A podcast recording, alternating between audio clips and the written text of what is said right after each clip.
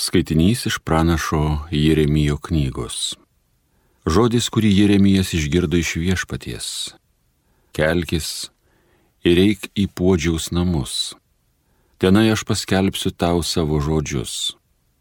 Tad aš nuėjau į podžiaus namus. Kaip tik jis bedirbas prie savo žiestuvo. Jei dirbamas indas jam nenusisekdavo, kaip gali pasitaikyti su moliu podžiaus rankoje Tai puodžius nužiesdavo iš jo kitą indą, koks jam visai patikdavo. Tada pasigirdo man viešpaties žodis. Ar aš, Izraelio namai, negaliu su jumis pasielgti kaip šitas puodžius, tai viešpaties žodis. Kaip moris puodžiaus rankose, taip jūs, Izraelio namai, štai esate mano rankoje. Tai Dievo žodis.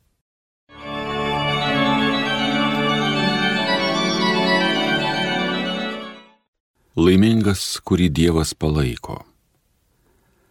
Mano siela viešpatį garbink, šlovinsiu viešpatį, koliai gyvensiu.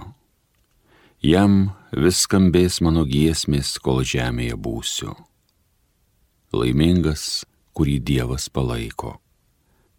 Nėra ko tikėtis galiūnais, jie yra žmonės, išgelbėt negali. Kai jų dvasia iškeliauja, kūnas sugrįžta į dulkes, vėjais nueina, kas jų sumanyta. Laimingas, kurį Dievas palaiko. Laimingas, kurį Jokūbo Dievas palaiko, kas deda viltį į viešpatį Dievą. Jis dangų, žemę, jūrą sutvėrė ir juose esančius daiktus. Laimingas, kurį Dievas palaiko. Alleluja.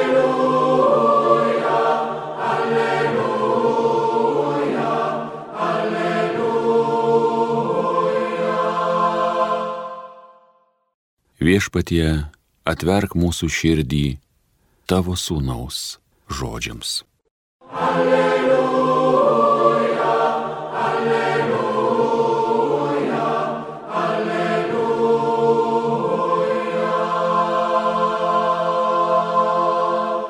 Iš Evangelijos pagal Matą. Jėzus kalbėjo miniai. Su dangaus karalyste yra kaip su ežeran metamų tinklų užgriebiančių įvairiausių žuvų. Kai jis pilnas, jį išvelka į krantą, susėda ir surenka gerasias į indus, o blogasias išmeta. Tai bus ir pasaulio pabaigoje.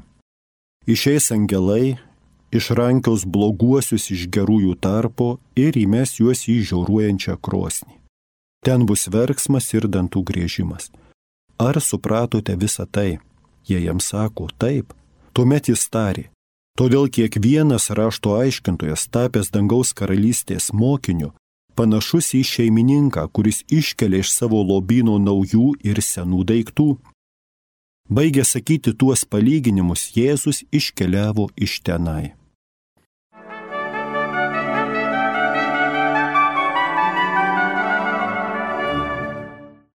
Kai klausomės Evangelijoje, ką Jėzus skelbė ir mokė, išgirstame daug viltingų žodžių apie begalinę Dievo meilę, jo gerumą, apie tai, juk Dievas myli žmogų ir myli ne už kažką tai, bet nepaisant visa ko.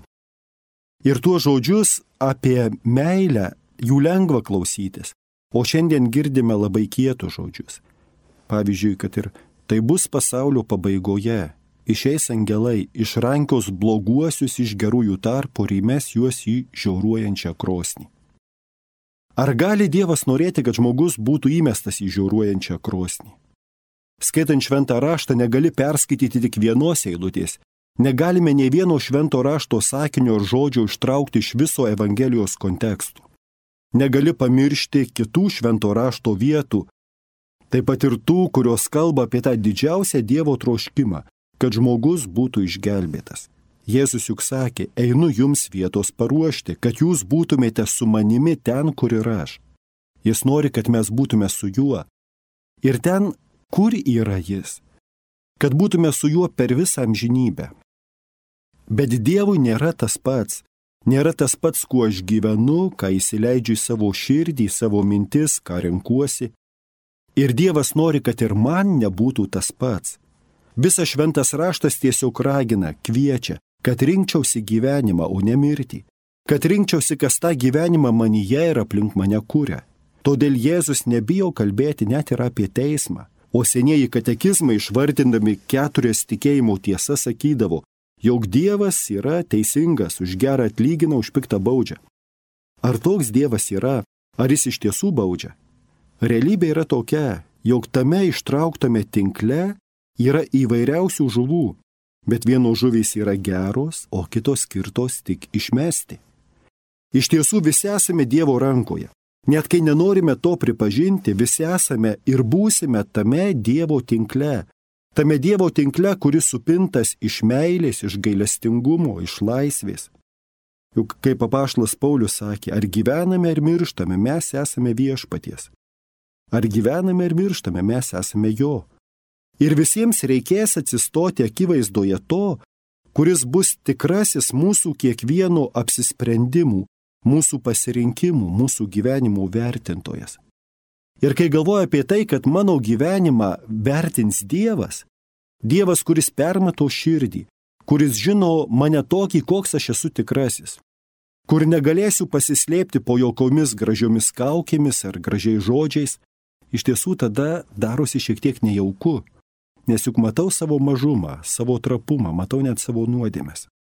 Ir net aš, kuris esu katalikas, kuris, kaip kitoje vietoje paštlas Paulius sakė, jog jau esu Jėzaus Kristaus pagautas, ar aš būsiu atrastas kaip ta geroji žuvis. O jei nedaug Dieve būčiau ta blogąją žuvimi, ar Dievas, kuris yra meilė, nepasigailės tos vargšės blogos žuvies? Įvairūs mąstytojai svarstydami apie Dievo teismą yra sakę, jog teisme Dievui nereikės sakyti, tu žmogoji nei kairę, tu eini į dešinę, tu esi geras, tu blogas, bet aš pats atsistojęs Dievo šviesoje pamatysiu visą savo gyvenimą. Pamatysiu tai, ko iš tiesų ilgėjausi, ko siekiau, ko iš tiesų troško mano širdis, ką iš tiesų rinkausi, kuo ir dėl ko gyvenau. Ir jei samoningai ir laisvai rinkausi kelią, kuris veda į dvasinę mirtį, jei tas mano pasirinkimas nusidrėki net ir į anapus, Dievas gerbs tokį mano pasirinkimą. Ir toje Dievo akivaizdoje, toje Dievo meilės šviesoje, aš pats suprasiu, kad nepajėgiu su savo vidinė tamsa, su savo nusigręžusią nuo Dievo širdimi, toje Dievo šviesoje pasilikti. Tad Tam mes dabar ir einame iš pažinties, tam primame komuniją, tam melžiamės, tam dalyvaujame šventose mišiuose, tam skaitome šventą raštą, kad jau dabar tą šviesą įsileičiau į savo širdį, kad toje šviesoje jau dabar gyvenčiau, kad mano širdis kažkaip grėžtųsi į Dievą ir kad, kaip sakė jau Senojo testamento žmogus Jobas, tada Dievas mano akims nebebūtų svetimas. Dievas nesiliauja kiekvieną mano gyvenimo čia žemėje akimirką tiesiog šaukęs. Žmogau, nesirink to, kas atneša mirtį. Neik į pragarą. Nesirink to, kas greuna tavo ir aplink tave esančių gyvenimą. Dievas įvairiausiais būdais bando taip tiesiog prasibrauti pro tas sienas, pro tas įvairias barikadas, kurias mes pasistatome tarp savęs ir Dievo. Bet čia ir yra žmogaus didybė. Aš žmogus Net pačiam Dievui galiu pasakyti ne. O šią laiko atkarpą, per kurią mes keliaujame, ir turime tam, kad mokytumės Dievui ištarti taip, kad keistųsi mano širdis, kad leiščiausi Dievo perkeičiamas. Kodėl iš vis yra reikalingas tas Dievo teismas? Atrodo, juk čia viskas aišku. Kad Dievas peržvelgtų ir įvertintų mano gyvenimą, ir jei ten bus daugiau blogio, einu į pragarą, jei vien geris, einu į dangų, O jei to blogio nusinešiau tik šiek tiek, gal einu į skaistyklą, bet ypač senieji bažnyčios tėvai, kalbėdami apie Dievo teismą, sakydavo, jog tame teisme Dievas ieškos ne kaip ir ne už ką pasmerkti žmogų, ne už ką žmogų reikėtų nubausti ar nugramzdinti į pragarą, bet tame teisme Dievas ieškos to, kas žmoguje yra, kas buvo tokio, dėl ko žmogų verta išgelbėti.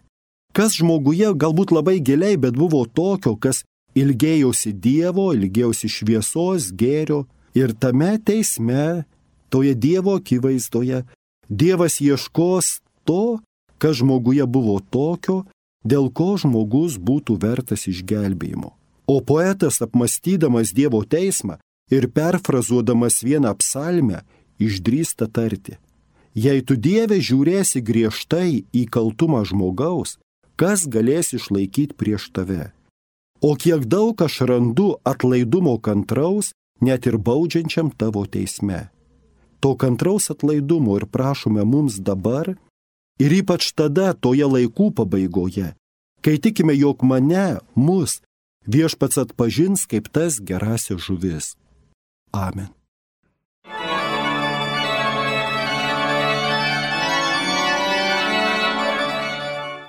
Homilija sakė kunigas Rimantas Baltrušaitis.